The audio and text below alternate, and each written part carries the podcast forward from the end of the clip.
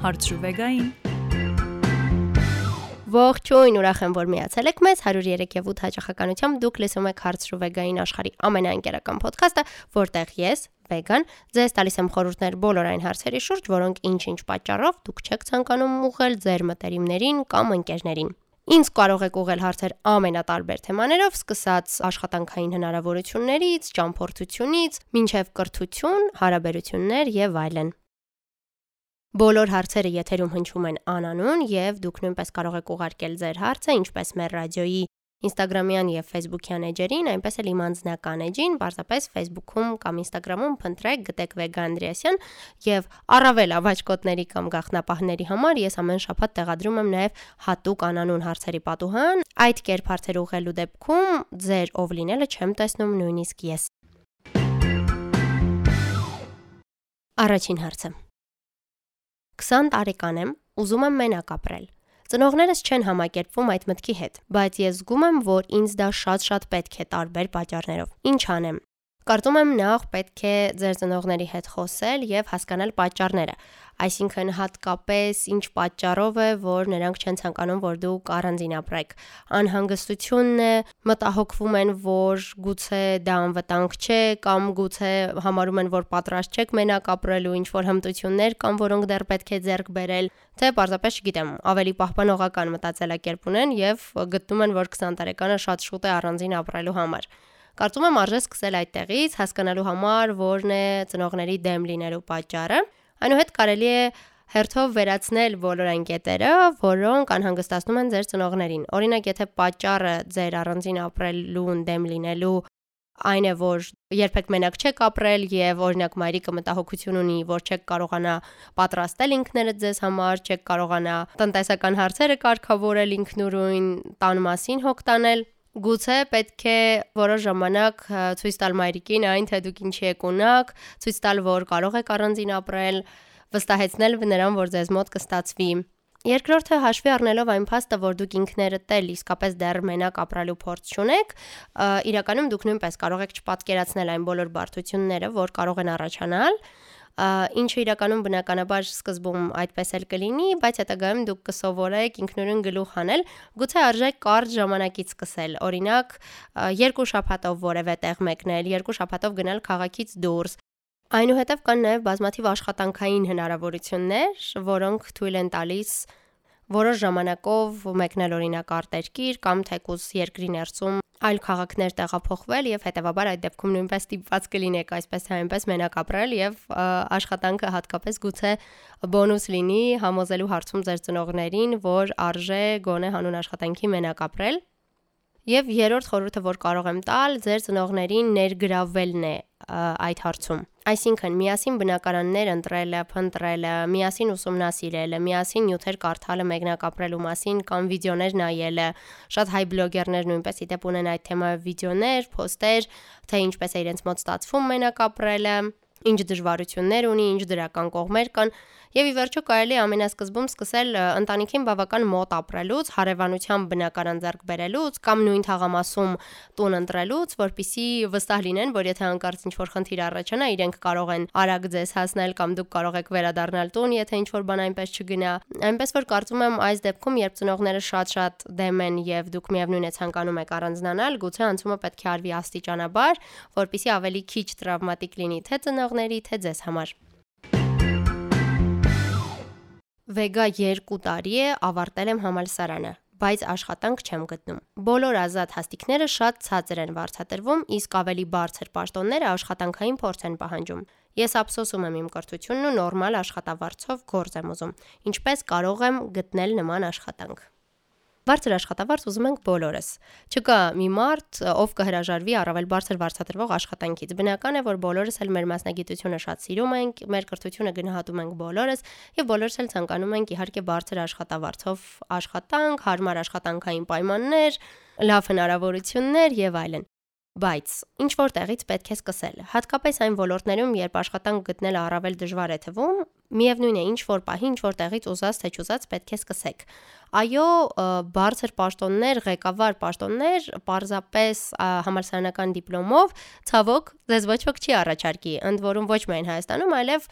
Առհասարակ ամենուր պետք է անցնել որոշակի ճանապարհ, որpիսի արդեն հնարավոր լինի զբաղեցնել ղեկավար պաշտոն կամ ինչպես դուք եք նշել, ավելի բարձր պաշտոն։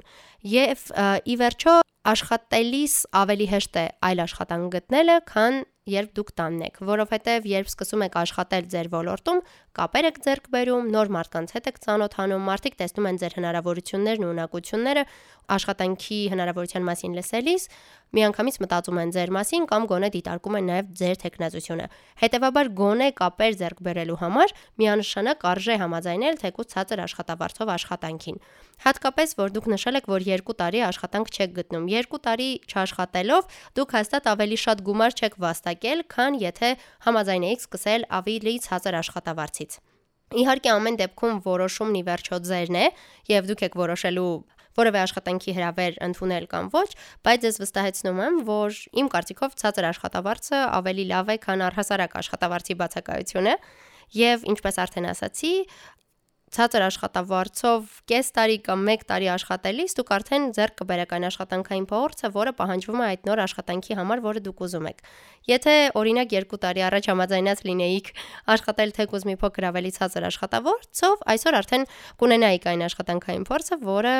պահանջում են ձեր ուզած պաշտոնի համար։ Հետևաբար, ելի եմ կրկնում իհարկե որոշումը ձերն է, բայց ես միանշանակ խորհուրդ կտայի գոնե ինչ որտեղից սկսել։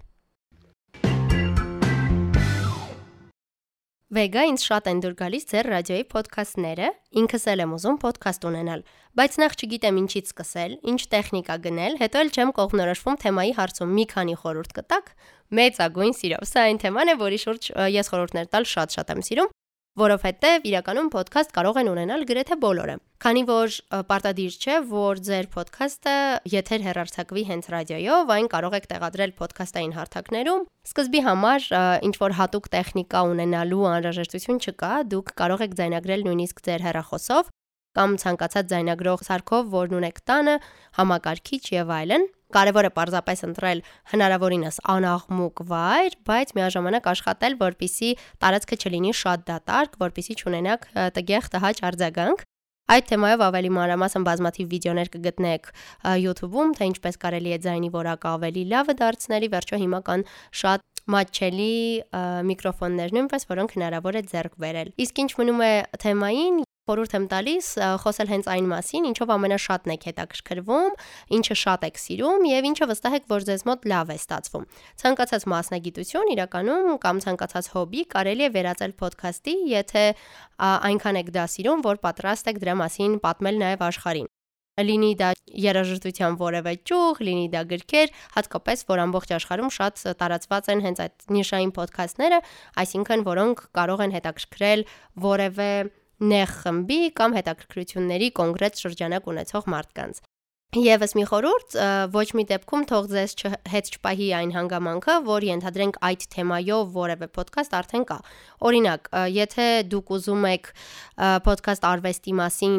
սակայն կան բազմաթիվ այլ ոդքասթներ արվեստի մասին, դա դեռ չի նշանակում, որ ձերը չի կարող տեղ գտնել ոդքասթային շուկայում, այսպես ասած, քանի որ յուրաքանչյուրս ունենք մեր առանձնահատկությունները, պարզապես պետք է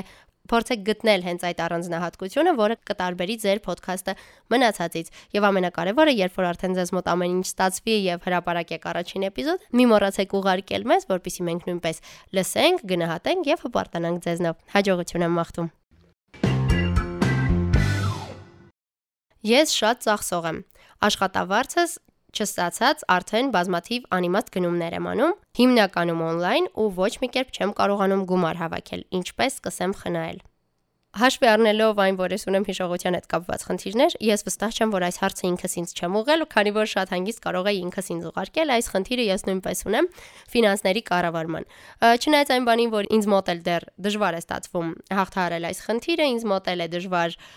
խնայել գումար, ես շատ եմ ուսումնասիրել եւ շատ եմ կարդացել հնարքներ կապված այս երևույթի հետ, թե ինչպես կարելի է մի փոքր գումար խնայել։ Ինչ վերաբերում է շոփինգին, գնումներին, ապա մասնագետները խորհուրդ են տալիս ամեն ամիս, մինչև ձեր աշխատավարձը կստանաք ինչպես նշել եք, կազմել ցանկ այն ամենի, ինչ ձեզ իսկապես անհրաժեշտ է եւ ոչ մի դեպքում այդ ցանկից դուրս չգալ։ Այսինքն, ենթադրենք այդ ամիս ձեզ պետք է տաբատ, վերնաշապիկ եւ բաճկոն։ Դուք գրում եք, որ գնելու եք միայն այդ 3-ը, եւ եթե նույնիսկ on-line գնումներ կատարելիս ձեր արչեւ